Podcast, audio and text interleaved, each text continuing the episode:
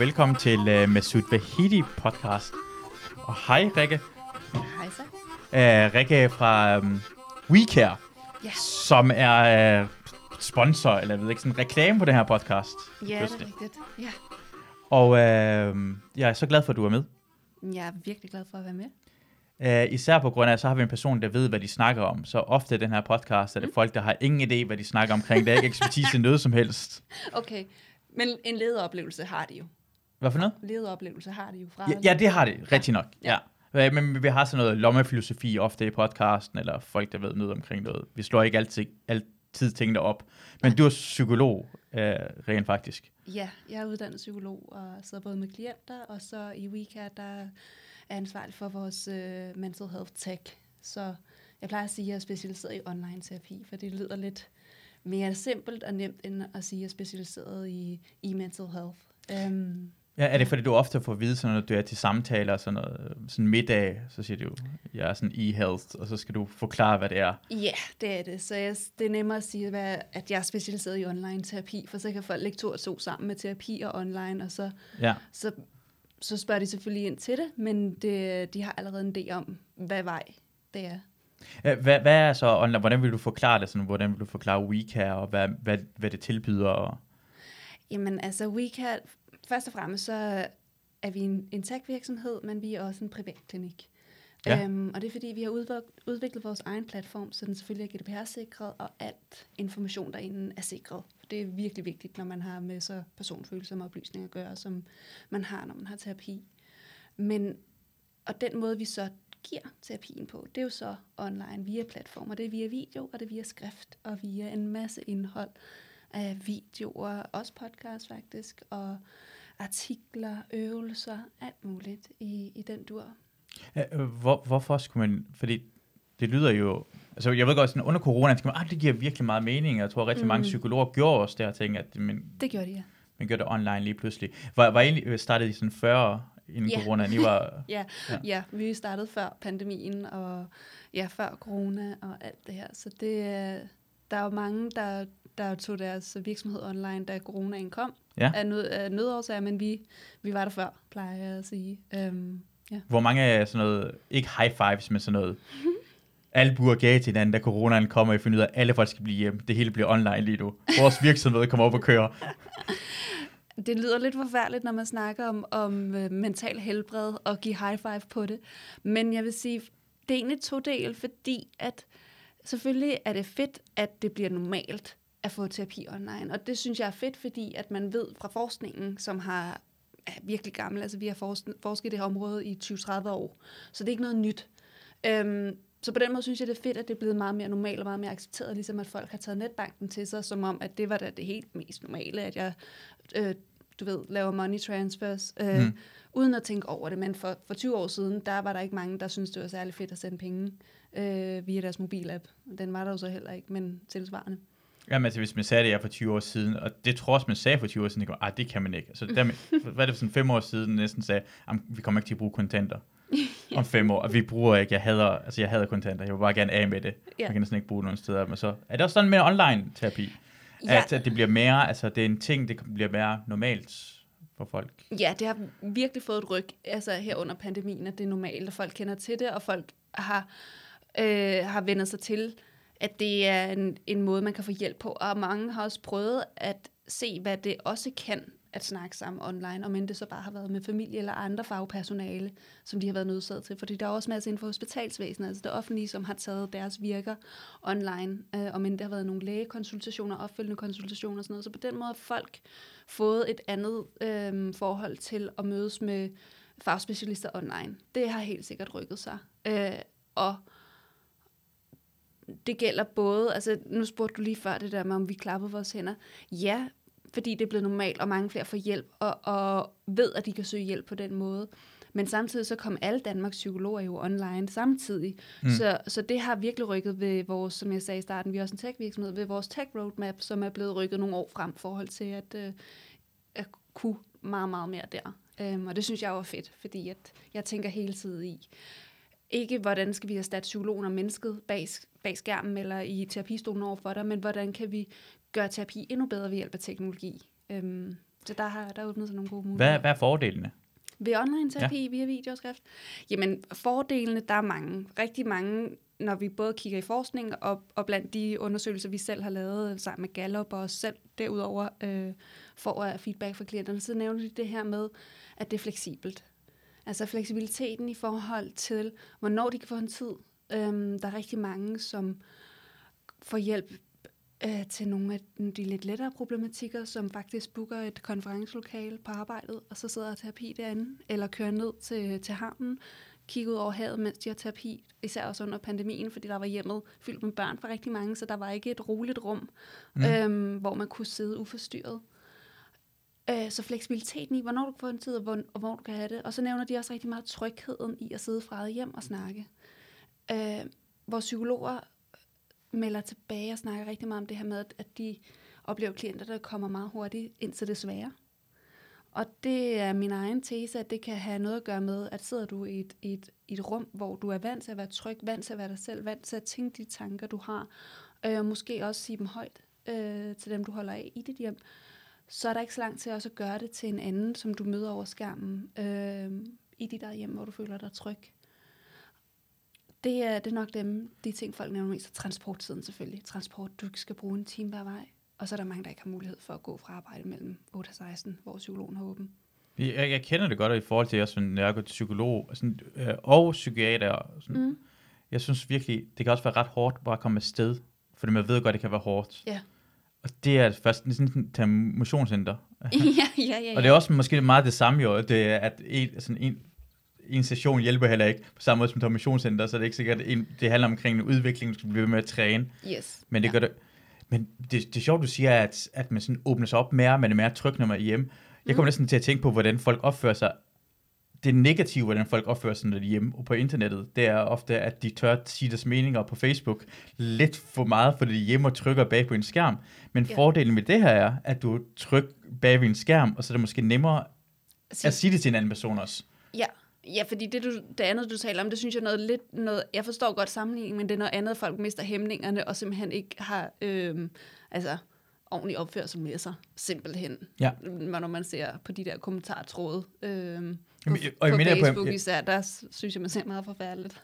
Jamen det er præcis det, sådan, alting med teknologi har fordele og ulemper. Mm. Så man har snakket om sådan, uh, ulemperne ved, at folk er bag en skærm, er jo, at folk siger forfærdelige ting. Mm. Men fordelen af at være folk er bag en skærm, og det eget hjem, er også, og det er trygge, så det sig op mere, hvor det, det kan blive bru- brugt til noget positivt i stedet for. Det Præcis. Altså, kan jeg godt se. For at give det et eksempel, der er jo nogen, der har oplevet nogle virkelig, virkelig svære ting, som der også kan være et, et højt niveau af tabu omkring, og skam. Masser af skam forbundet med. Og der er der endda også, hvor at, at man som psykolog kan sige, ved du hvad, vi prøver lige at slukke kameraet, og så kan det være, at du kan sige det, uden at du ser et andet menneske, fordi de måske aldrig sagt det højt før, de har kun tænkt det. Mm. Så kan, er det på en eller anden måde nemmere at sige det, uden at der er et menneske, du har i øjenkontakt med, så slår man kameraet til igen, siger det igen, måske ikke denne her session, men Mm. næste og så videre. Så på den måde, så, så er der mange muligheder for at, at lege med det og, og hjælpe folk i det. Og så sådan, hvis vi skal snakke diagnoser, så hvem der synes det, for hvem det er rigtig godt, at uh, online terapi er, er kommet. Um, det er jo blandt andet folk med social angst, der synes, det er forfærdeligt at sidde i et ventelokale med en masse mennesker, og sk- eller skulle gå ind i det der, det der kliniklokale, hvor der står psykolog med store blå bogstaver mm. indover, øhm, eller ovenover. Det er også folk med øhm, en svær grad af stress, belastningsreaktioner, hvor det netop kan, og depressioner, hvor det kan være svært at komme ud Mm. af døren, ud af sengen, bogstaveligt talt, men man kan måske bedre komme ud af sengen, og så hen i sofaen. Øhm, Ja, det kan jeg godt forestille mig, for det sådan havde jeg også, dengang jeg havde det aller værst, så var det mm. min, øh, min bedste ven i dag, som er, var også min ekskæreste dengang, men hun, min ekskæreste, hun fangede mig næsten ud, og så bare, hey, gå ind og snak med det. Jeg vil ikke ud, altså jeg vil, altså, mm, det, det kræver nogle gange at man har det godt nok, til at man kan søge, søge hjælp. Ja. Øh, det glemmer man nogle gange imellem. Dem, dem, dem der har det værst, jeg ved også i forhold til med sådan PTSD og sådan noget, mm. jeg har fået rigtig meget hjælp på grund af, min søster er også advokat, Okay. så hun kan hjælpe mig med alt muligt sådan søge og alt muligt. Skrive rundt til og gøre alle de der ting for mig. Jeg har rigtig sådan stærk øh, Du har et socialt netværk omkring socialt netværk, der hjælper Ja. mig. Jeg tænker, bare, shit mand, hvis jeg ikke havde det her. Ja. Altså jeg, jeg har hele tiden lyst til bare at gå fuldstændig stå, og så, og så Isolere dig. Isol- ja, jamen, det gjorde jeg også. Altså, det var bare endnu værre. Det er slet Mm. ikke noget hjælp. Altså, ikke noget, som jeg, kunne, ikke- jeg ville ikke kunne se, hvad jeg skulle gøre, hvor jeg havde aller, værst. Og jeg ved bare... Ja, det, og det samme har jeg også, faktisk også gjort for en ven. Hvor han havde det dårligt, så tog jeg ham med til lægen. Og Ja. så, for det, han havde været til læge før, og så har jeg sagt, at han havde det dårligt. Ja. Men ofte er det, når du, du har det godt nok, ja. du går hen til lægen. Yes. Så når lægen spørger dig, om, hvordan har du det? Men jeg har det faktisk fint nok. Men hvordan går det med det her? Det går fint. Så siger du ikke noget Mm. som helst. Så bliver du nødt til sådan lige prikke til personen og sige, Ja. prøv lige at fortælle alt det der andet noget, du fortalte mig lidt tidligere, og så fortæller det det. Ja. Og så, kan, så kommer der lige pludselig en Så udvikling. En reel, og en reel vurdering. Han kan lave en reel vurdering lige pludselig, fordi Ja. han får et, et, et bedre billede af, hvad funktionsniveauet er, uden det skal lyde så tørt. Men det er sådan, Ja, og man har, man har brug for, jeg tænker også bare sådan, som, sådan jeg har, jeg har, på en eller anden måde har man ikke lyst til at være psykisk syg. nej På en måde har man lyst til at ikke have brug for hjælp. Og så med det samme, man kommer, man får lov til at vide, at måske har jeg ikke den her, Mm. øh, brug for det her hjælp, så, så, tager, så tager man fat i den, fordi jeg har det fint nok nu. Ja. Det kommer sikkert ikke tilbage igen. Ja, i dag går det okay, eller lige nu går det ok. Ja, Det, er- det er faktisk også en af de ting, man, man ser i forskningen. Altså at nu, nu går jeg jo meget op i det her med, at den terapi, vi giver, den skal virke, og vi skal bevise, at den, den, den har en effekt. Øhm, men det man ser, det er ved, ved screeningerne, altså hvis du tager inden for, hvis du forsker og sammenligner to forskellige behandlingsmetoder eksempelvis, så skal du se, hvad for en behandlingsmetode har bedst effekt. Så laver du nogle screeninger på symptomniveauet og ser, om der er, hvilket, hvilken behandlingsmetode har det største grad af symptomreduktion for en specifik depression, eller angst, eller noget tredje. Ja.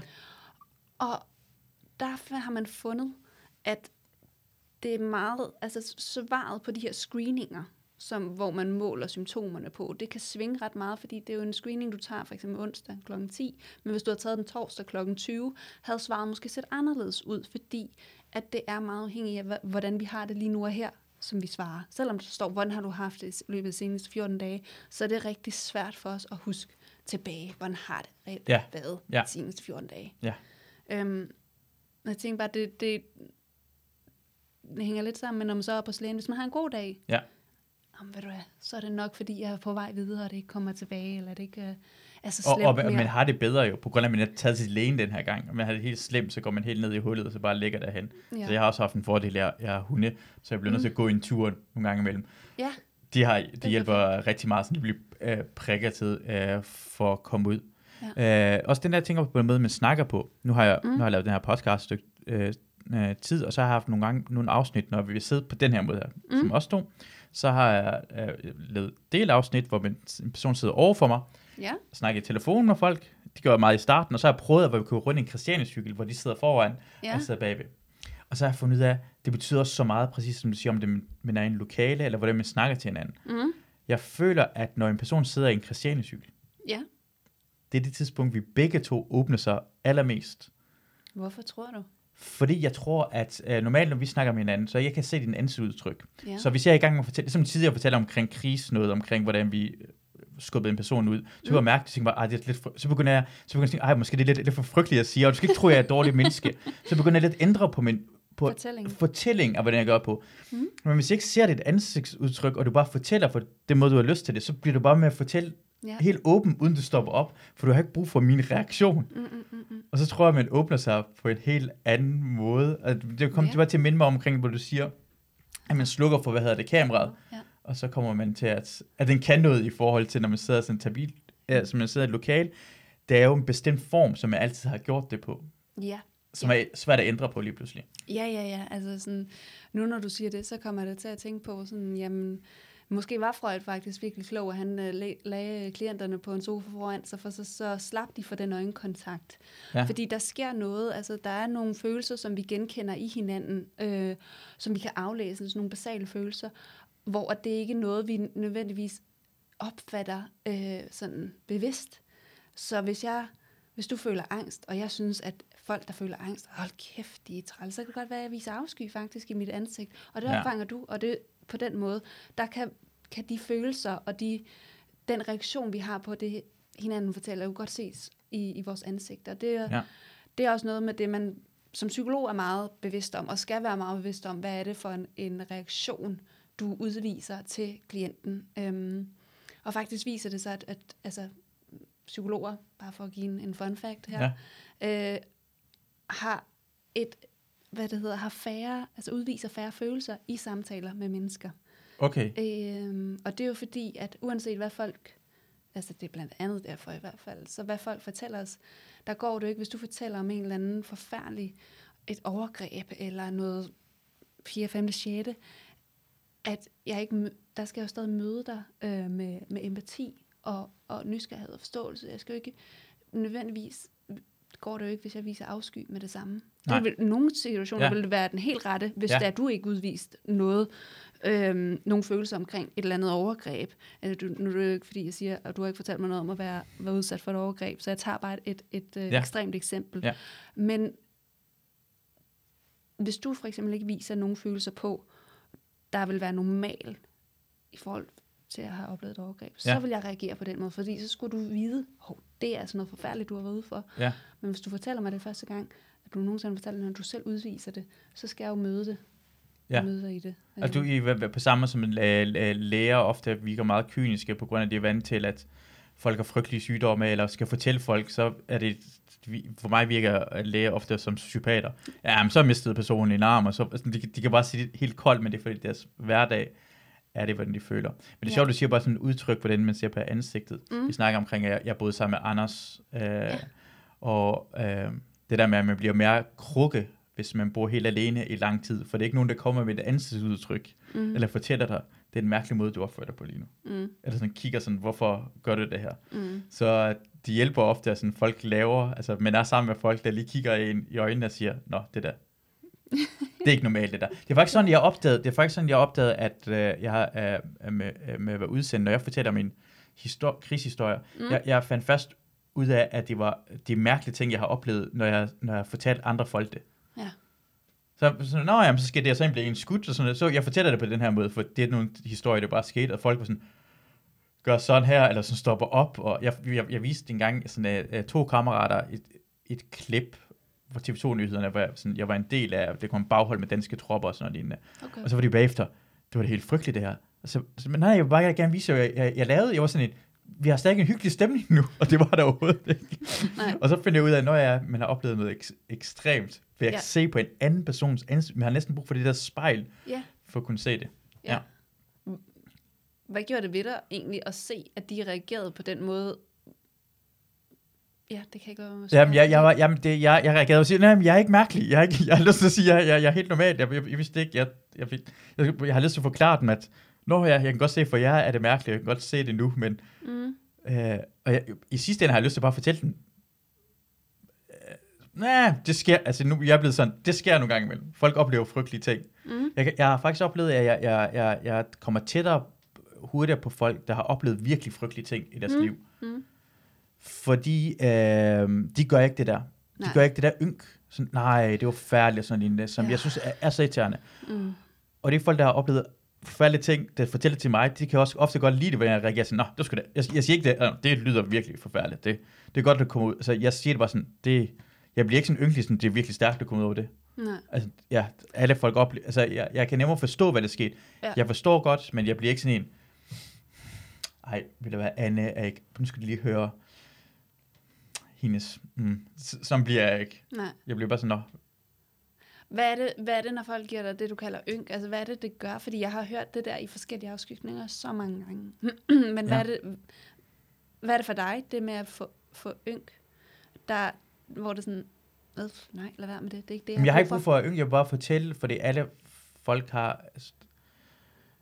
Jeg, jeg kommer til at føle mig mærkelig. Mm. Måske, måske er det bare Ja. det, eller man, man kommer til at føle, at man er forkert. Ja, Fordi det er ikke, jeg føler ikke på samme måde, som du gør, om, du gør, du gør omkring det. nej. Øh, og så har jeg lyst til at sige, det er ikke... Nej, altså, og så kommer jeg bare til... Jeg tænker virkelig sådan tilbage til, hvad andre frygtelige ting, der sker i mit liv. Og sådan, Ja. Vil du høre? Jamen, jeg, jeg tror, krig er forfærdeligt, men jeg er flygtning først og fremmest. Altså, de første fem år af mit liv, der gik, det var ligesom Ukraine lige nu, hvor vi gik i bombeshelter. Øh, okay. sådan of, altså, ofte, hvis det kom, så bombeangreb, så gik dernede under min mor. Øh, vi havde sådan en ABC-dragt, sådan en kemisk dragt, vi skulle øve os til på sådan under to minutter. Og min mor skulle give mig på, for jeg var for lille noget. Ja, ja. Det, det var normal hverdag. Okay. Men, men, men når man er i situation, står man ikke, er man ikke på den der måde. Men er ikke ynkelig i situation. Det er sjældent, folk er ynkelige i situation. Mhm. Så nu står du og propper, imens jeg, hvis jeg ikke var ynkelig i den situation, så er det dig, der er i gang med at prøve ynk over på mig, og det er ikke det, jeg har lyst til at gøre. Nej, det er meget interessant, for jeg har hørt flere sige det, det at de nærmest føler, at de skal så trøste den, de har fortalt det til. Og Ja. det, det var ikke det, det handlede om. Det handlede om, at jeg havde lyst til at fortælle dig og delagtiggøre dig i en oplevelse, jeg har haft. Men jeg har ikke brug for, at jeg nu også skal sidde og trøste dig.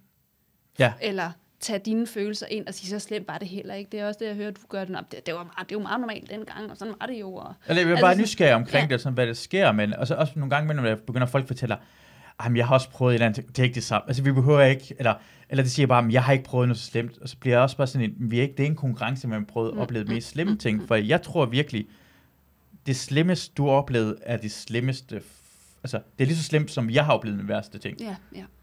Det, det er ikke noget forskel. Jeg, vil- jeg vil heller ikke kunne klare, jeg ved det ikke, Mm-mm. hvis jeg ikke oplevede situationen, ville jeg også tro på, at det var sådan uoverskueligt, men jeg tror, at alle situationer er til at klare sidste ende. Mm. Alle folk har oplevet. Altså min mor er kommet, hun er, min mor er en af de 16 mennesker, der findes i verden. Fedt. Fordi hun er vokset op i den azerbaijanske øh, del af Iran, okay. som vil blive set ned på andre iranere. Kom til Teheran, til storbyen, øh, øh, og så øh, blevet gift med en mand, vores familie ikke kunne lide hende, på grund af, at hun er azerbaijaner. Okay. Flygtede Danmark med to børn, alene, altså alle mulige ting, som smugler ind i varevogne, kom herhen, kom ja. dansk lært, fik arbejde, købt hus, har købt lejlighed, og hun kan alting. Hun har bil, hun, kan, hun er 73 år gammel, hun kan iPad, hun, hun er tolk for folk og sådan noget lignende. Det kan hun gøre. Sådan. Hvis du kigger på hendes historie, hun har ikke lyst til at høre, ej, det, var- ej, det var hårdt, og så gjorde det sådan der. Nej, nej, du skal bare høre, det er fucking sejt, det du har gjort. Det, det Mm. tror jeg nogle gange, folk har brug for. Mm. Og ikke brug for at sige, ja, det ved jeg ikke. Det er bare det der, jeg har ikke, jeg har ikke brug for den der. Mm. Og så en anden ting er nogle gange imellem, nu snakker jeg rigtig meget om mm. jeg har oplevet ting, men øh, jeg, jeg, jeg, øh, når man har det rigtig dårligt, har jeg også oplevet sådan noget. Okay, jeg har været måske nede i et hul i fire måneder, og så kommer jeg ud af hullet. Ja. Så er ud blandt venner, Ja. og så bliver det sådan, Nå, hvordan har du haft det? Og, ej, hvordan, for slem. Og så tænker jeg sådan, nej, nej, nej, nej, jeg er lige kommet ud af hullet. Kan du godt lige lade som om, Mm. jeg har det fint. Mm. Og det er også nogle gange, vil også bare, hvis jeg nu har brug for, at folk ved, at, at hvis en person har haft det rigtig dårligt i lang tid, og lige kommer ud af hullet, så behøver man ikke minde dem omkring Hullet. hullet. Mm. Lad os bare komme ud over det. Du kan bare fortælle, hvis du har lyst til at fortælle mig, at du har det dårligt, det skal du bare gøre. Det skal jeg nok køre efter. Men Mm. lige nu er vi i gang med sådan, vi er ude i byen og drikker og sådan noget. Mm. Du skal ikke hive mig tilbage til Mm-mm. den dårlige sted. Måske, måske det tror jeg, det er det, ynken gør ved en. Ja, ja, det, at man ligesom så skal opdatere alle hver især på, hvad der, hvad der er sket de seneste fire måneder. Altså, Ja. og det er ikke nødvendigvis det, man har lyst til, når man er ude i, i byen og have det mega sjovt, så det er ikke der, man har den der seriøse snak. Så jeg tror også det der med, der er i hvert fald mange, der, når de har oplevet noget svært, eller gennemgået diverse, der, der gerne vil have, at, at hvide folk er der, men jeg skal nok komme til dig, øhm, når det er. Men så igen, så er der andre, der forventer, at man skal være den, der tager teten og spørger, og det er også det, vi ser i sådan, forhold til sovreaktioner. Den måde, folk føler støtte på i en sovreaktion, er, er virkelig forskellig. Ja. Øhm, og hvad de har behov for. Så selvom man er den, der har været nede, så kan det godt, og så af den grund kan det godt føles mm, lidt meget, men også den, der har, har brug for, eller der er den, der, der skal fortælle folk, hvad det egentlig er, man har behov for. Jeg har behov for Mm. ikke at snakke om det, og det skal være okay. Ja, ja. Eller jeg har behov for at snakke om det, og det skal være okay. Fordi der er jo også mange, øh, apropos det du nævnte med, med, med krig og forfærdelige ting, der er jo rigtig mange, når folk så fortæller de ting, du sikkert fortæller, jamen, det har da sikkert også lært dig noget. Hvad er det gode ved det? Altså vende alt mm. til det positive. Ja, ja, ja. Hvor så føler man sig heller ikke hørt, eller Nej. set, eller anerkendt. Men hvis man er lige der, hvor man faktisk gerne vil fortælle, ja, det var faktisk fucking forfærdeligt. Oh, jeg ved ikke, man må bande på Det den må her man gerne, som du podcast. sagt, sagtens gøre. Det må man rigtig gerne. Py, ja. Det er så ikke Øh. forfærdelige ting, det her podcast, bare roligt. Super. Øhm, nej, nu slutter jeg mig helt ud af det, jeg sagde fucking. Ja, men, men du sagde omkring, at øh, folk siger, at du har lært noget ud af det også, som gør det sådan mindre... Ja, jeg, og min pointe er bare det her med, et, at man fortæller, hvad det er, man har behov for fra sine nærmeste, sine omgivelser, øhm, er, er enormt vigtigt, når man har været igennem noget svært, eller er i noget svært. Og det kræver også energi, så det jeg siger ikke, at det er nemt at gøre. Mm.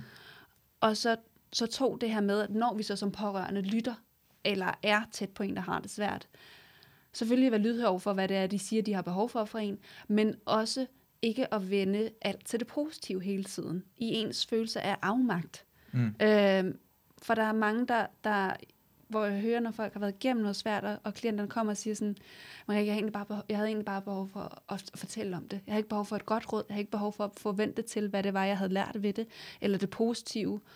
Jeg har bare behov for at sige det højt. Og det, det, det er det, jeg sådan... Min pointe er med, det er, at, at der, der har man også et ansvar for at sige det, simpelthen. Altså sige, Ja. hvad det er, man har behov for. Jeg har bare lyst til at, for jeg har behov for at fortælle dig ting. Jeg har ikke behov Mm. for, at du fikser det for mig. Eller hvad det nu er, folk. Jeg så lige, uh, hvad hedder det, en reality-program, for et nyt reality-program på uh, DR1. Fed bro, ja. ja, ja, ja, det, vi elsker, jeg synes, reality er fantastisk, fordi det, er- det uh, vi står og spejler os i de her, som jeg kalder tabere, for vi er ikke ligesom dem, vi er langt bedre end de er. Altså, jeg har ikke set en date-program, hvor jeg har sagt, at jeg kan gøre det bedre, end de gør. Jeg har ikke set noget som helst. Det er sådan, ah, prøv at se, hvorfor snakker han på den her måde, og hvis jeg var med på kravene venner. Men så er de her to tabere på... Ja, men det, er, det er sådan, jeg ser også fodbold jo. Jeg ser fodbold, ej, hvorfor scorer sådan... Jeg, jeg står og fortæller Ronaldo, hvordan han skulle sparke til en bold. Jeg, jeg er jo en kæmpe idiot, men det er sådan, vi gør. Mm. Uh, så sad vi det der to tabere på en tømmerflåde. Det er sådan en tømmerflåde, det går i. Det er sådan, det er sådan uh, folk, der dater folk. Okay. Jamen, det, siger bare taber på sjov, for det er bare sjov at kalde. Jamen, jeg, jeg, jeg tror bare ikke, jeg kender programmet. Jamen, det, programmet er, at de skal bygge en tømmerflåde, Ja. øh, og så er det øh, par, der er sammen. altså et ægte par i virkeligheden. Nej, nej, det er første gang, de møder hinanden. Det er blind date, og skal 10 dage sejle på tømmerflåde øh, igennem øh, Sverige, og det er sådan otte forskellige par. Wow. Ja. Og så er der en af dem, som har det virkelig hårdt, øh, og hun snakker med alle mulige andre omkring, hvor hårdt det er, fordi hun føler, at han ikke respekterer hende, eller snakker til hende på den rigtige måde, eller hun har det dårligt. Men hun siger det aldrig til ham, og prøver at skjule det. Og så tænker sådan, han er irriterende, 100%. Han var rigtig, rigtig irriterende. Men Okay. du bliver også nødt til at fortælle ham, han er irriterende, fordi han kan ikke se det. Og nogle gange, det er sådan, at sige, nogle gange er det bare vigtigt, Mm. at man siger det højt. Uh, eller, man, man kan jo, det er det fede ved sådan et reality-program også, man kan se det udefra, det kan man se, det, hun, er også, hun er også lidt skyldig. Lige nu skal du bare lige sige det, derfor til alle mulige andre, fordi nu, nu står det næsten, at, at sådan bagtaler, han har ikke mulighed for at ændre noget som helst. Nej. Og så skal det, hvis du bare lige sagde det hurtigt. Men vi har måske med svært, jeg synes på den måde, øhm, altså, det, det er ofte svært at konfrontere folk. Jeg synes, Mm. vi, øh, jeg, jeg, jeg ved ikke, at jeg, jeg kan det bare, fordi jeg er iraner, men at, at jeg, jeg er ikke så konfliktsky. Okay. Er Men- det sådan en kulturel ting? Det går ud, jeg, går ud, jeg, jeg, jeg tager det Så bare du- til mig. okay. Ja, ja, ja. altså, jeg siger bare det, men det kan godt bare være, at jeg er konfliktsky, og så kan jeg bare sige, at det er, fordi jeg er iraner. Ja. altså, men, men, men i sådan Danmark, synes jeg, altså det kul- kultur ved Danmark, så er det meget, vi skal helst undgå konflikter hele tiden. Ja. Så det er også svært at sige, altså man, man har svært ved at udtrykke og sige, hvad han- man er ked af, eller hvad gør en ked af det, eller hvad han- man har det dårligt med. ja. Det synes jeg er ret svært. Øh, altså, den bliver set ned. Jeg ved ikke, det, den, ja. det er ikke lige så nemt. Mens, øh, jeg ved ikke, min iranskhed, måske nogle andre ting, man lukker ned, men man- det er til at holde op med at gøre det her. Mig og Anders, vi bor sammen, og vi føler som om, jeg siger tingene til alt for direkte, og han prøver at pakke det altid ind, og jeg bliver Mhm. mm-hmm. altid irriterende, når han prøver at pakke det ind, for han skal Ja. bare sige det til mig, siger, han siger altid sådan noget, har jeg tænkt på, må jeg gerne spørge om det her? Det er for mig er virkelig sådan, det, Det er pakket ind. åh, bare, bare sige, at Kom det irriterende er, at det irriterende er præcis. Okay. Men jeg synes bare, at nogle gange imellem, kunne det have noget med at gøre, at, at vi har brug for mere hjælp her. Hvordan Det, og jeg er- ved ikke, i, i Danmark er, fordi man ikke siger, men man har svært ved at sådan åbne sig op for hinanden og sige, hvornår, altså, øh, vi svaghed. Altså, du stiller så mange spørgsmål i et spørgsmål. Ej, altså, det, er- det er godt, du så, siger det. øhm, så der er meget, så mange ting, vi kan pakke ud i det, du lige siger der. Men, men altså, først og fremmest, så altså, vil jeg sige, det kommer jo an på, hvad for en relation man har. Altså, der er en, hvis det er din partner, kæreste, Mm. kone, mand, øhm, så er der en måde, så er der nogen måde, du kan gøre det på, og der er nogle ting, der er nødvendige. Er det en kollega, en bekendt, en du kan sige, ved du hvad, nu smutter jeg hjem, øh, tak for i dag, når du har fået nok, så er det noget andet. Det, så det kommer for det første an på, hvad for en relation du har. Og så det, du sagde med det kulturelle, altså sådan, om det har noget med det kulturelle at gøre, er helt sikkert, at der er kulturelle ting. Altså sådan, også i psykologien. Der er det der med at have en kulturel forståelse for, hvorfor er man, som man er. Og det er også derfor, at det mange, for eksempel, når de er bosat i udlandet stadig, og de for eksempel er, er født og opvokset i Danmark, gerne vil have en dansk psykolog, fordi der er en kulturel forståelse for, når jamen, sådan gør vi jo i Danmark, sådan er det jo, eller mm. et eller andet i den stil. Øhm, så helt sikkert er der, er der noget i, i kulturen, hvorpå man taler om det svære, øhm, eller beder om hjælp, eller viser svagheder, eller ej. Men, men det er det med, med nogle gange, jeg synes, det er virkelig dejligt bare, at de gange, jeg går til psykolog, bare, bare fortælle mine problemer, har været mm. dejligt, for så man åbne sig op, og sådan, mm. skal man ud, skal man høre det, og se den anden person. Det, det er virkelig rart, det er, ja, jeg ved yeah. det ikke, sådan, lige tage rygsækken af, ja. lige to sekunder. Jamen, uh, I det rum bærer man den også sammen, kan man sige, når, når du fortæller og deler. Så, så kan man måske godt bruge metaforen, når du nu siger du rygsæk, at man, man åbner ryg, det, der er i rygsækken, og kigger på det sammen mm. i, i, et, i en relation, hvor man ikke bliver dømt, og der er heller ikke nogen, der, der tager det over for en, eller prøver at fikse det, eller gøre noget med det, eller taler om det positive, som mm. vi talte om lige før. Så det giver mening, at du sådan nærmest du får sådan en lettelse fornemmelse. Det var i hvert fald det, jeg i hvert fald lige så ja. på dit kropsprog, at ja. det var sådan, det var rart. Da man kom bagefter, tænkte man, ja. åh, det var, det var dejligt at få ud. Men tænkte sådan, hvorfor, at, hvorfor har vi brug for, så, altså det var virkelig mm. mærkelige ting, at, det, uh, at vi lige har brug for så meget, uh, vi har brug for terapi i et samfund, hvor vi har så meget overskud, vi har det så godt. Ja, så meget velfærd. Ja. Så meget velfærd. Mm. Det der er jo mange, der er, jeg hører lidt, du spørger om, hvorfor. Jeg spørger, ja, hvor, hvor, jamen det er lidt, ja, jeg spørger, ja, hvorfor? Ja, det er der jo altså virkelig, virkelig mange årsager til. Um, er der noget sådan specifikt, du har undret over for nyligt om det, altså i det? For det Jamen, jeg vil så snakke det der med at fortælle, hvordan jeg havde det allerbedst, var ja. mens jeg var i Afghanistan, og ja. var i krig, det hele var simpelt. Der havde jeg ikke brug for terapi, og der kunne man også snakke med hinanden internt, men... Mm. Øh, og der var, der var også en masse muligheder for at åbne op for sin jeg ved, ikke, om, jeg ved ikke, om det er, fordi vi ikke har tid nok til at sidde ned, ned og snakke med hinanden, og åbne op for hinanden. Jeg ved mm. ikke, og, og, og, og jeg står og tænker, er det måske noget at gøre med igen med kun vise sårbarhed, mm. hvis jeg har lidt, uh, for, nogle folk har forståelse for en, yeah. at den er taget væk, og nu har vi brug for at gøre det igennem terapi på samme måde, som vi har brug for uh, en børnehave. Uh. Mm. Mm det har vi jo ikke brug for i gamle dage, men det har vi brug for i dag. Ja, fordi vi har sat vores liv op, som vi har med, med arbejde og så videre. Ikke? Jeg, der, jeg tror, der er virkelig, virkelig mange øhm, forskellige årsager til, at folk har, har brug for terapi i dag. For det første, så er det jo, var det jo heller ikke noget, vi, vi målte på for 100 år siden. Så mm, der er mange, der siger, hvordan kan det være, at vi har fået det så dårligt? Det havde vi jo ikke for 100 år siden. Jeg siger, for 100-200 år siden, der var det ikke noget, vi talte om. Der var det ikke noget, vi målte på. Mm. Så jeg er ret sikker på, at folk stadig havde det dårligt, også dengang. Ja. Øhm, men det var ikke noget, der blev lavet øh, målinger på. Hvordan har vi det som nation? Hvem er den lykkeligste nation øh, Europa over verden over? Det blev der ikke mål på. Så en ting er selvfølgelig, at vi begyndte at måle på det, for jeg tror, mennesker har altid haft problemer og vil altid have problemer, fordi vi som udgangspunkt skal løse problemer for at overleve. Øhm, og ja. det er jo ikke i dag, at vi skal løse problemer for at overleve på samme måde. Men vi har jo stadig den hjerne, vi har, som tænker i overlevelse.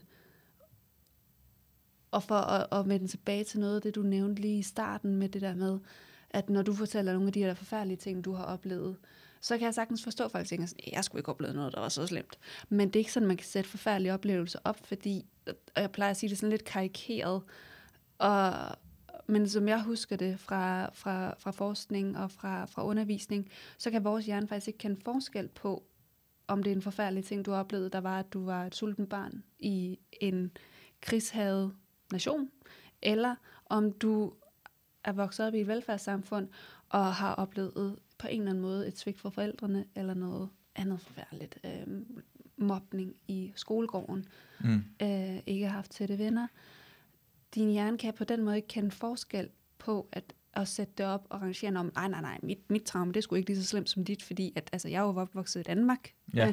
Ja. versus en, der er opvokset i, i et andet land, som har haft nogle hårdere kår. Den, den sammenligningsgrundlag bliver der ikke ligesom taget ind i, i forbindelse med, at øh, vi oplever traumer.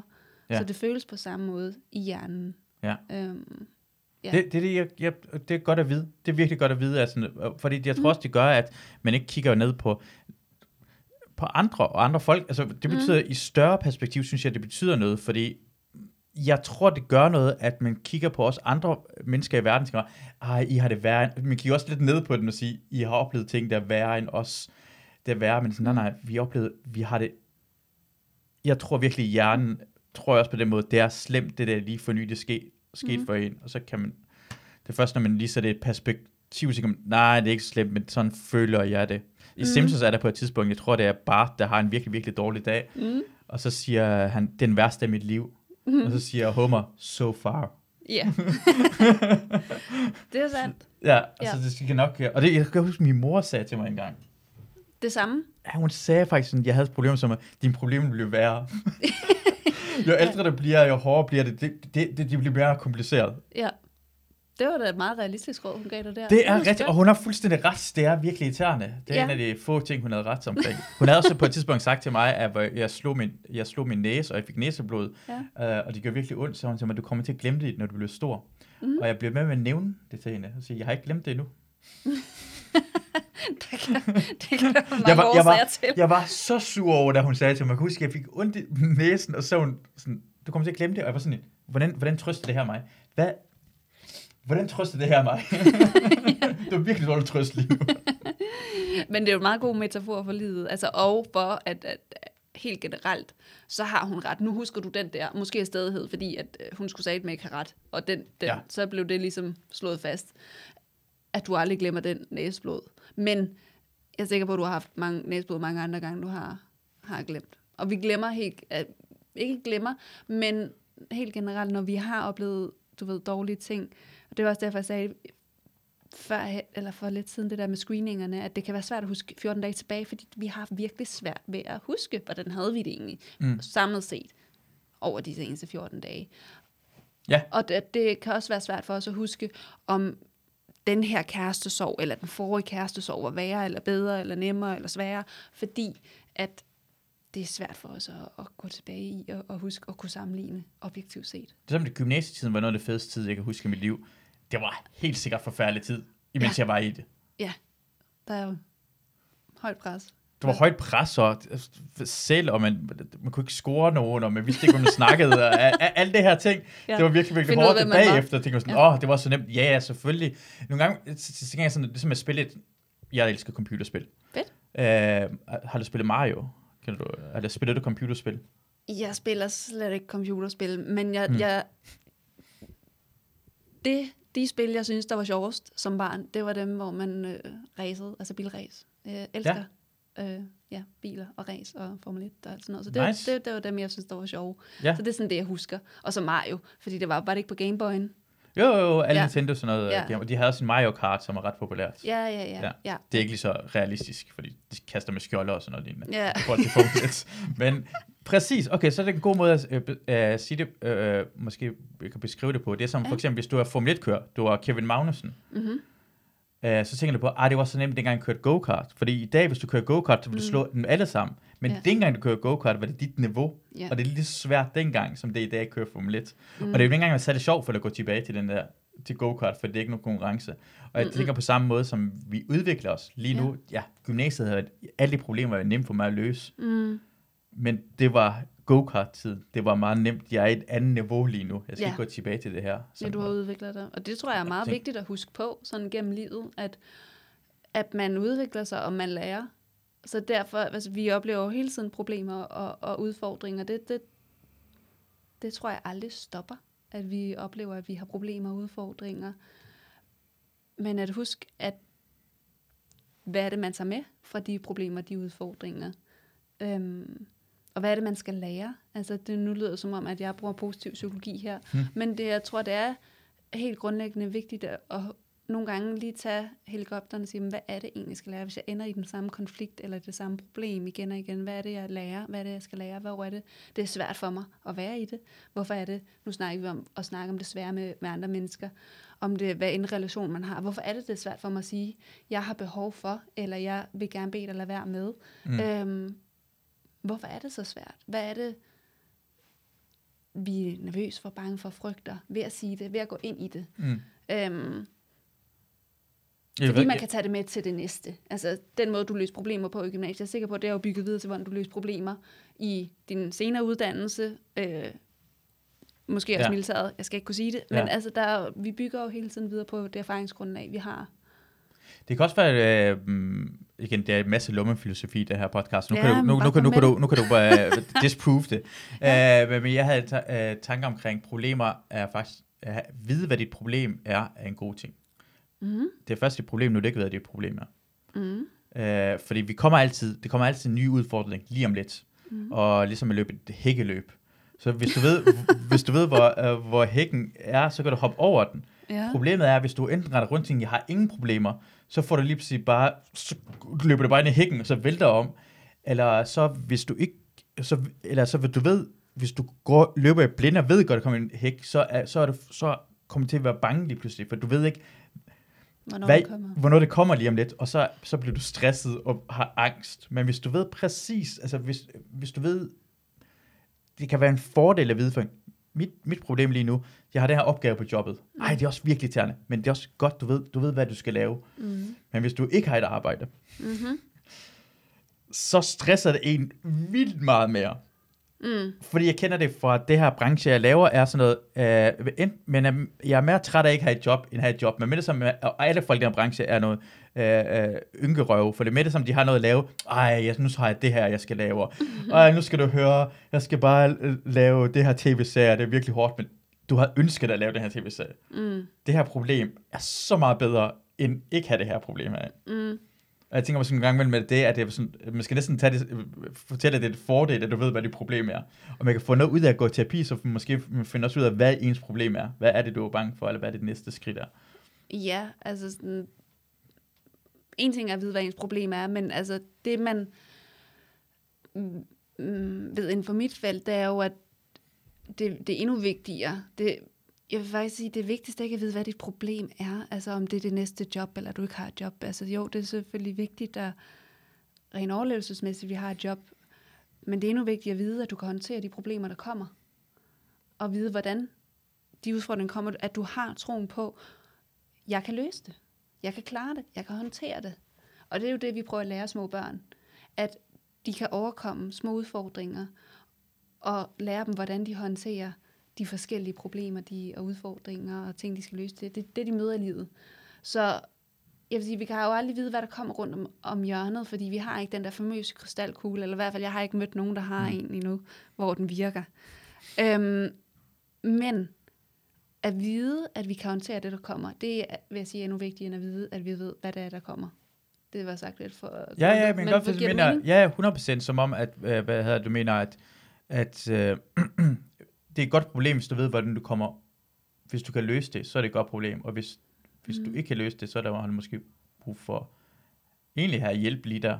Jeg har troen på, at du, du nok skal finde ud af, hvordan det skal løses. Ja, Om end du ikke kender svaret lige nu, eller ved, hvordan det skal løses, ja, så troen på, at jeg kan godt håndtere det. ja. Øhm, Er det det, der giver en sådan noget, er næsten må få en depression af, for det, måske det er det, man ikke ser, det der, det hedder, at man ikke ser lyset for enden af tunnelen, for man tænker bare, jeg har ikke, det her kommer, når jeg har haft alle dårlige ting, jeg har fem måneder tilbage at leve i, det er sådan, jeg tænker. ja, Mit liv slutter om fem måneder, jeg kan ikke se, at det her, måske, det har jeg penge tilbage til, eller det vil jeg leve, bla bla bla, jeg kan Ja. se, jamen jeg har kun fem måneder, så jeg begynder også at blive sådan noget, dep- øh, hvad hedder det, pessimistisk om, omkring fremtiden, mm. og alle mine, øh, hvad hedder det, løsninger på tingene er, bliver kortsigtet, sådan, jeg har alligevel kun fem måneder tilbage i. Har fem Mm. måneder tilbage, så begår jeg selvmord, og så er det helt fint. ja, så var det det. Så er det bare det. Så det er Ja. nemmere, jeg vil hellere nyde de sidste fem måneder, end, end, end at bekymre mig over de, altså de sidste fem måneder. Så Ja, uh, det, når man bliver ur, det der med problemet bliver så uoverskueligt, tænker man op i sit eget hoved. ja altså det er jo i hvert fald, altså, depressiv føler tit den der altså, magtesløshed, altså den der, det, det hele er sort, der er, ikke, der er ikke håb, og det er jo det, der også er med til at fastholde at sige det, at vi ikke har håb, og vi føler os magtesløse, fordi hvis vi er magtesløse, kan vi jo heller ikke gøre noget ved det. Ja, Øhm, og apropos, når man altså står over for et problem og har udfordringer, at føle sig magtesløs, så er det jo også svært at tænke, om ved du hvad, den har jeg, det klarer jeg, helt sikkert. ja, ja, det er ikke noget problem. ja. Øhm, ja, så det er sådan knap så vigtigt at vide, hvad problemet, der kommer foran dig, hvad det er, men troen på, at du kan håndtere det, der kommer, Det er, Ja. det er det, der er det vigtige. Jeg tænker på, at sådan, hos WeChat, det kan I både lave online, hvor vi taler med hinanden, og man, Mhm. kan, I kan, man kan skrive en lang tekst, Ja, beskeder frem og beskeder tilbage. frem og tilbage. Ja. Øh, det, og det, er- det er sådan første gang, jeg egentlig havde hørt omkring det. Ja. At man sk- skulle øh, Øh, frem og tilbage. Hvad, øh, hvordan, hvad, hvad, hvad kan det i forhold til det? Sådan en rigtig snak. Mm. For mange, der, så er det... Øhm, vi, altså jeg vil sige, det, den bedste måde, vi har det på, det er, når folk de bruger det i kombination med vores videokonsultationer og- med vores indhold. Men derudover der er nogen, der vælger bare at have rent skriftlig terapi. Og for mange, der er det at sige det højt igen foran et menneske, foran videokamera, eller foran altså ansigt til ansigt til Mm. en, det kan være meget grænseoverskridende. Så det at skrive det først, kan være en måde at gøre det på. Så det er sådan, hvis du har taget, du ved, skriftlig terapi helt for sig, så er der mange, der vælger det af den grund. At det er lidt mindre farligt, faktisk. Øhm, følelsesmæssigt mm. føles det mindre farligt. Og så er der også dem, der bare udtrykker sig bedre på skrift. Altså der sidder og reflekterer over det, skriver det, sender beskeden, øhm, får et svar tilbage fra psykologen, kigger, kigger det igennem, læser det, reflekterer over det, sætter sig igen tilbage, måske dagen efter, og, og, og svarer igen. At det, det er en, en, en måde at få hjælp på, der passer bedre til dem, at de, fordi de tænker mere det, i det skriftlige, de godt lide at reflektere over tingene, og har måske ikke ordene lige med det samme. Mm. Øh, og, og så er det især rigtig godt til dem, der har et godt ordforråd for deres følelsesliv. Altså som kan sådan, er gode til at reflektere og gode til at sætte ord på deres indre følelsesmæssige liv. Øhm, fordi hvis man har et, altså er fattig i ord forhold til ens følelsesmæssige liv, så er det jo svært at sige, "Men jeg har det skidt, ja, og så kan psykologen stille, hvordan skidt, i hvilke områder, for ligesom at afdække, hvor det er, det desværre er. Og hvis man ikke kan sige andet, jeg, jeg har det bare dårligt, så er det jo selvfølgelig svært at få hjælp over det skriftlige. Mm. Så er det, at man skal, skal mødes over, over video i stedet for. Men det, Det er mest mig på den måde, der bare du ved det. Jeg, jeg, jeg er dårlig til lang skrift. Jeg, når jeg ser sådan noget, når, når, når det står noget på Facebook, hvor det står læs mere, jeg har lyst til, at der findes en knap, der hedder læs mindre. Det er sådan, folk går for kort, det er meget, meget mere, de laver. Det kan jeg ikke overskue det. så du vil hellere have sådan Twitter-versionen. Jamen, jeg ved det ikke. Ofte er det også for langt, de skriver. Bare lige fortæl, hvad overskriften er. Har jeg lyst til at læse det igennem det hele? Ja. Okay. Men, men det er det, det, det skriftlige kan. Og Mm. sammen med, med videokonsultationer, så er det jo især det der med at så følge op imellem. Altså tit så an på, hvilken metode psykologen bruger. Men så kan det jo være, at du har nogle, noget, du, du skal øve dig på indtil næste session. Øhm, eller noget, du skal er opmærksom på. Eller, så er det rigtig rart for mange. Hvis, ved du hvad, det gik af helvede til, til den præsentation. Jeg, jeg prøvede at bruge det, du sagde med opmærksomhedsøvelsen, eller vejrtrækningen, mm. eller noget, noget fjerde. Det, men det gik af helvede til. Og så kan man blive guidet øh, mellem konsultationerne, mm. frem for at vente de, om det er en uge eller to uger til den næste. ja. Og så er der også mange, der bruger det som sådan en, en, et sted, hvor de letter på det, på, på det, der er det svære. Altså hvis du vågner om natten og har bekymringer, så er det at, at skrive det ned hjælper for rigtig mange. Og nogen bruger en helt god gammeldags øh, notesbog og, og tømmer deres tanker i. Og, men det vores klienter melder tilbage, det med, at du har skrevet det ned, og der faktisk er nogen, der, der så svarer dig og forholder sig til det, og også hjælper med at se og korrigere noget af det.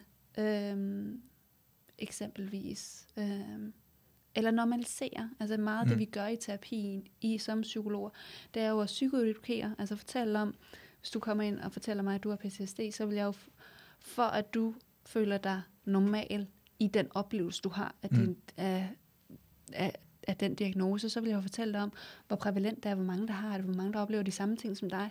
Og i bare det, at du hører det, kan der ske en, oh, nå, så er jeg ikke alene.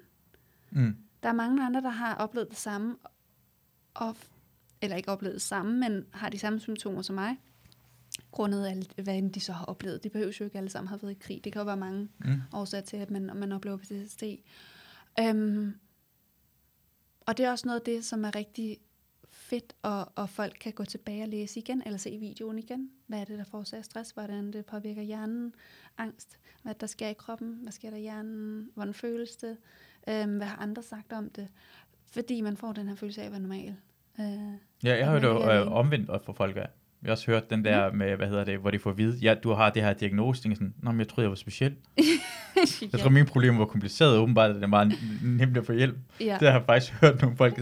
Lige et øjeblik blev sådan, ah, det er rigtig rart, jeg ved, hvad jeg får Ja. hjælpen for. Og bagefter hmm, jeg troede, det var sådan en, de ville opkalde efter mig, eller sådan noget lignende. Ja. Ja. Den helt nye en, jeg havde fundet på, men så er det ikke. Men jeg kan godt Ja. forestille mig, at det var også være, jamen det er ret det der at kunne skrive ned med det samme, for hvis du er i følelsen lige derhen, midt om natten lige vågne op og lige skrive det ned, så det også, mm. og så ved du godt, at det bliver taget hånd omkring det. Mm. Altså, det er lidt som at skrive, hvad hedder det, øh, en øh, arbejdsopgave ned. Nogle gange man har en masse ting, man skal lave, man skriver ned i kalenderen, så behøver man ikke tænke på det, for den står i kalenderen. Fortæl dig om det øh, senere. ja, så har man ligesom fået det ud. For det, øh, jeg tænker, er, er der, hvem, er, er der en bestemt slags øh, personer, mennesker, der går sådan mere til terapi og bruger jer og andres, altså, Mm. øh, Det er et hvem, godt spørgsmål. ja, hvem mangler man, tænker jeg. Hvad, hvad er det for nogle folk, der ikke så meget går til det, og man har brug for at fat i? Altså, jeg svarer lige på det første først. De Ja. første spørgsmål Ja, først. undskyld, mange spørgsmål, jeg ved det godt. Det gør ikke noget. Men helt generelt, så får vi jo klienter ind og folk ind, som har det svært med diverse ting. Det kan være alt lige fra en diagnose som depression og angst, eller, og så kan det være hen til parforholdsudfordringer, ensomhed, at være pårørende til en, der har det svært, og, og være i det. Øhm, det kan også være arbejdsrelateret øh, stress, eller håndtering af at være på en bestemt arbejdsplads, hvor der er en kultur, man måske passer mere eller mindre godt ind i, øh, eller at have en bestemt leder. Der, så det er virkelig bredt, det folk sådan kommer med. Så jeg plejer at sige, det, det er alt lige fra problemer, øh, som, som vi alle møder, fordi vi lever livet. Øh, vi kan også miste en forælder, vi kan være i sorg, til diagnoser som stress, nu stresser jeg ikke lige en, en diagnose, men depression og angst for Mm. eksempel. Øhm, Må jeg lige men, Men- men, afbryde to sekunder, men det er på Ja. grund af stress, for jeg har oplevet rigtig mange øh, venner, jeg har, som øh, er meget stresset på arbejde, og melder sig syg for arbejde. ja. Så, jeg- så jeg tror, at lige pludselig kan jeg mærke, jeg ved ikke, om det er på grund af corona, han har lige været to år, folk har arbejdet hjemme, og lige pludselig kommer tilbage igen, og tingene kører på højt tryk. Men det virker Mm. bare som om, der er rigtig mange, øh, det bliver stresset, og ikke kan, øh, ikke kan være på arbejde, og jeg, jeg, jeg, jeg er lidt bange for, at det er en dæmning, der er blevet brudt.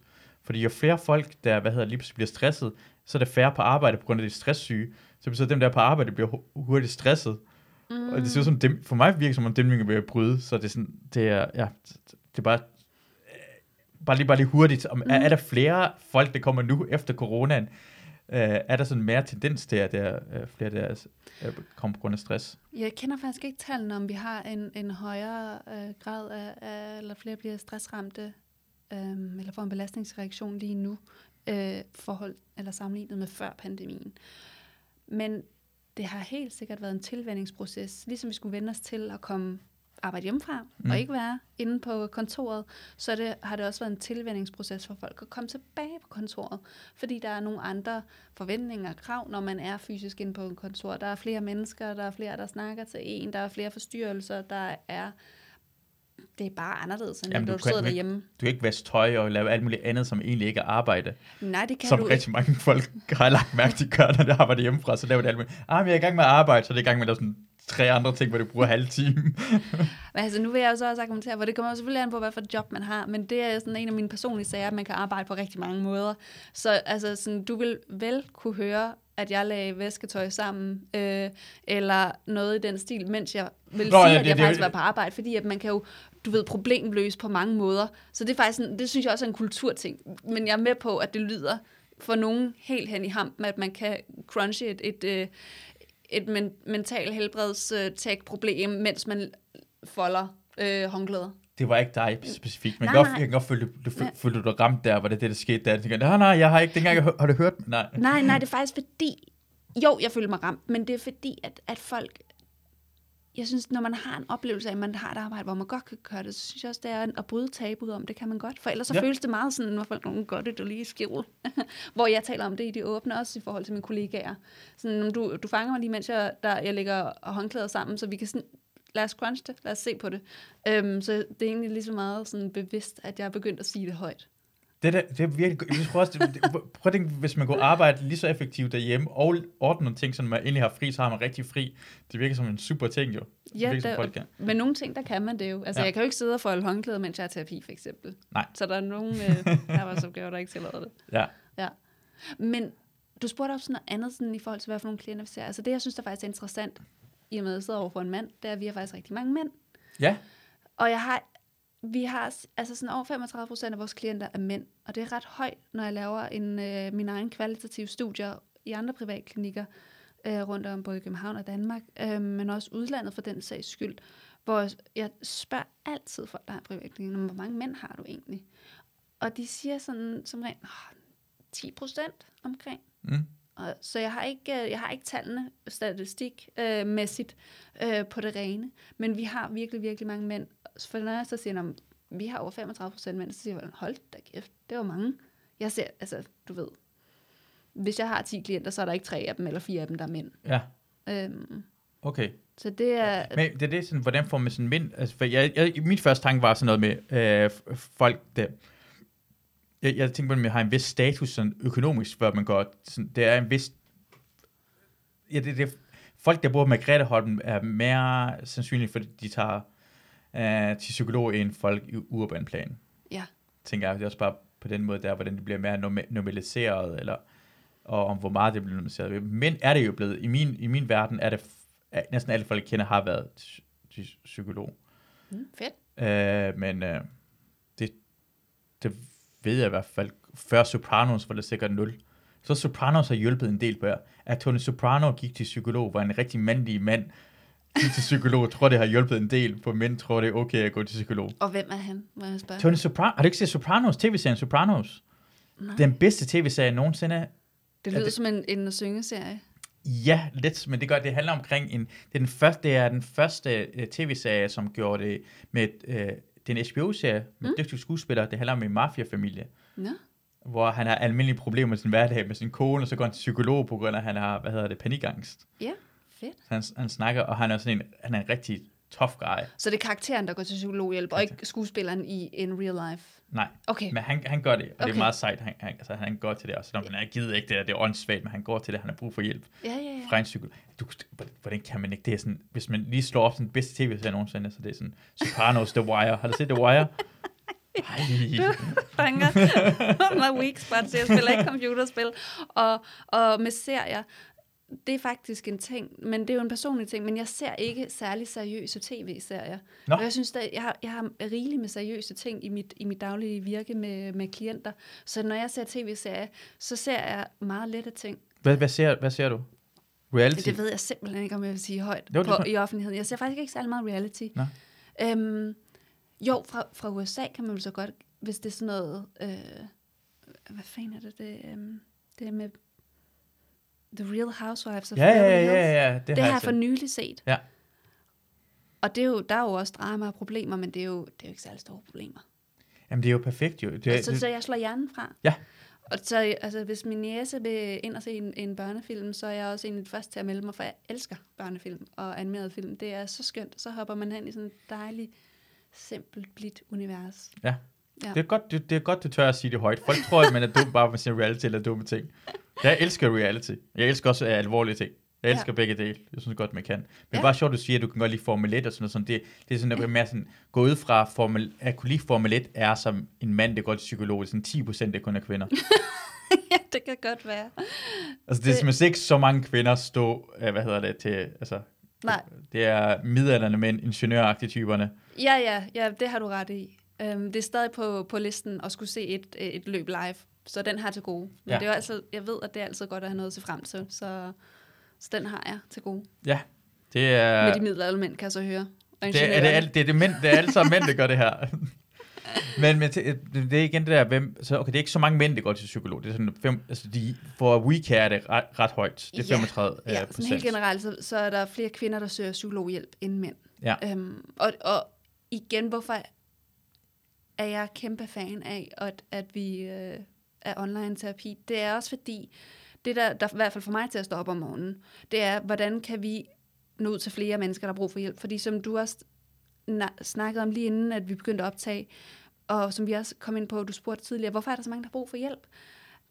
Det er der mange årsager til. Vi kan tage den, du ved, sådan rent sådan udviklingsmæssigt, der er, øh, hvad for en opvækst har du, har du haft, vi kan tage det eksistentielt, vi kan tage det samfundsmæssigt, vi kan tage det kulturelt, så der er mange vinkler på, hvorfor har vi brug for mere hjælp nu, og hvorfor også, som jeg nævnte, det der med, at vi måler på det. Men en, en af årsagerne, der for mig op er om morgenen, det er at gøre psykologhjælp mere tilgængelig for flere mennesker, fordi at der er behovet. Og teknologi er bare en af de måder, hvor at flere får hjælp og bliver mødt i øjenhøjde med det måde, de har, har foretrækker det på. Ja. Øhm, fordi vi får ikke alle ned til lægen, få en henvisning, og så til psykolog. Det er ikke alle, der har råd til at opsøge en psykolog privat og betale øh, mellem 900 og 1500 timer for det. Og det her med så, at, at, at nogen for nogen muliggør det at få terapi ved, at det er online, ved at det er via video. Og for at nævne et, et, et eksempel for nylig, det var en, øhm, en kvinde, så hvis liv ikke tillod, hun, altså arbejdet gjorde, at hun ikke kunne gå mellem 8 og 16, og hun var alene med en, en, et, et lille barn. Øhm, så hun fik psykologhjælp, fordi at nogle af vores psykologer, de er, altså alle er autoriseret og, og dansk autoriseret, men den her psykolog sidder så i Canada, Canada. Og grund af tidsforskellen, så kunne hun så få psykologhjælp, når hendes barn var lagt. Og ellers har hun ikke haft mulighed for at mm. få psykologhjælp. Så det, det, jeg prøver at sige med rigtig mange ord, det er, at vi, vi møder folk i, at de kan få hjælp på, på flere måder. Og det er det, jeg synes, teknologi er en af løsningerne til. Så for mig er det ikke enten, enten, enten eller. Altså enten er du nede hos psykologen på hjørnet, eller så er du online. Mm. Der skal kun være to muligheder. For mig skal der være mange muligheder, for at vi netop kan hjælpe alle. Øhm. Der er flere valgmuligheder, det er flere måder, man kan komme til det på. Jeg synes, det, ja. for, når jeg tænker på det, tænker jeg sådan, det er, for mig er det bare, komme afsted, frem og tilbage. Du må rette bare tænde ja. for det, fordi jeg har ikke rigtig lyst altid. Det kunne være, ja, det, det er det fede ved det. Uh, det er faktisk en god måde at forklare det på det, men det er en god afslutning på det her podcast, mm. for hvorfor man skulle man kan bruge det her på.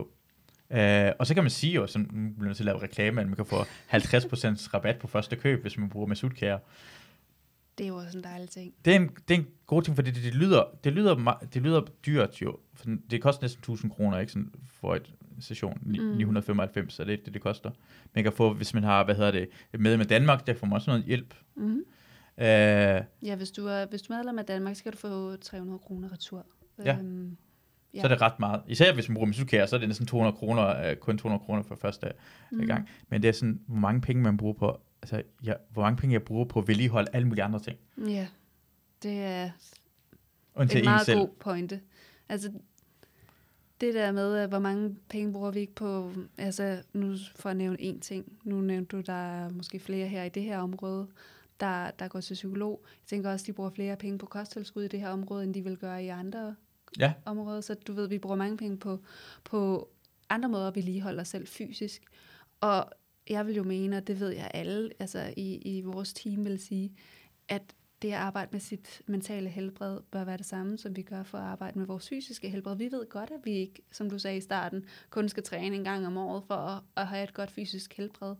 Og jeg, er ikke, jeg siger ikke, at man skal gå til terapi gennem hele livet, men at man vedligeholder sit mentale helbred på alle de måder, man nu kan gøre det på. Finde ud af, hvad det vil det sige for en selv, og, og have et godt mentalt helbred. Hvordan er man, når man har det godt?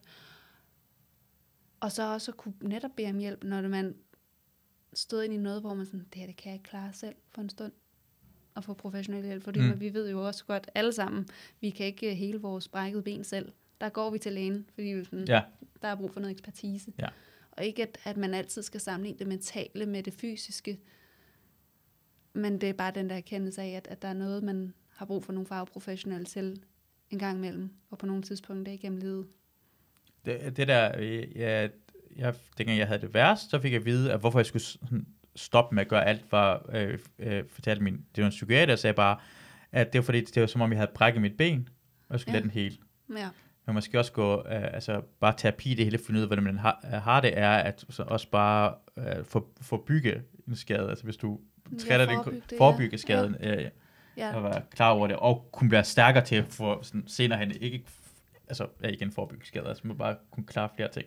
Bestemt, altså det er jo noget, det er et af de sådan, mål, jeg har med hele alt vores indhold, det er, at, at også at det er en del af det, sådan, altså pre-care, forebyggelse, at du kan gå ind, når du mærker for eksempel nogle lette symptomer på stress, og så kan du gå ind og sige, nå okay, jamen altså søvnhygiejne er helt vildt vigtigt i forhold til forebyggelse af stress og depression og angst. Nå, lad mig se, om jeg kan måske gøre noget ved min søvnhygiejne, så jeg lige får mm. en times søvn mere, end jeg plejer.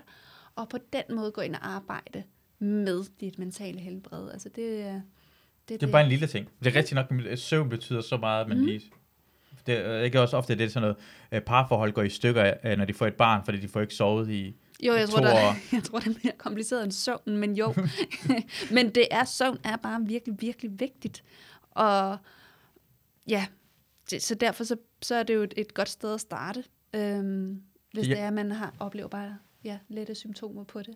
Jeg ved i hvert fald, dengang, jeg har, jeg har haft to gange valpe, og det valpeperioden er så hårdt, for man ikke får sovet. Mm. Og man nyder slet ikke valpen overhovedet. Det er det værste tidspunkt, og man glemmer. Og man har, jeg, jeg bliver bare altså, øh, kort til hovedet. Jeg har slet ikke overskud. Nej. Jeg kan ikke, altså, og det bliver bare værre og værre, fordi man prøver at fortsætte på samme måde, som man gjorde før. Mm. Ja, jeg gjorde det der ting, og så begyndte bare at dyrke rigtig meget motion, stedet for at tænke bare, ah, det der med at have brug for, jeg, jeg, jeg har læst Jordan Peterson, jeg ved, hvordan man skal gøre det, arbejde hårdere, og så gik jeg bare fuldstændig ned. seng hver morgen. Ja, ja, det er præcis. det var virkelig dejligt at snakke med dig, Rikke. Det var Ja, helt måde. fantastisk. Meget behageligt. Uh, og tak for, at jeg lyttede med, og jeg håber, vi lyttes ved en anden gang. Hej hej. Sådan. Oh, det var forkert sted.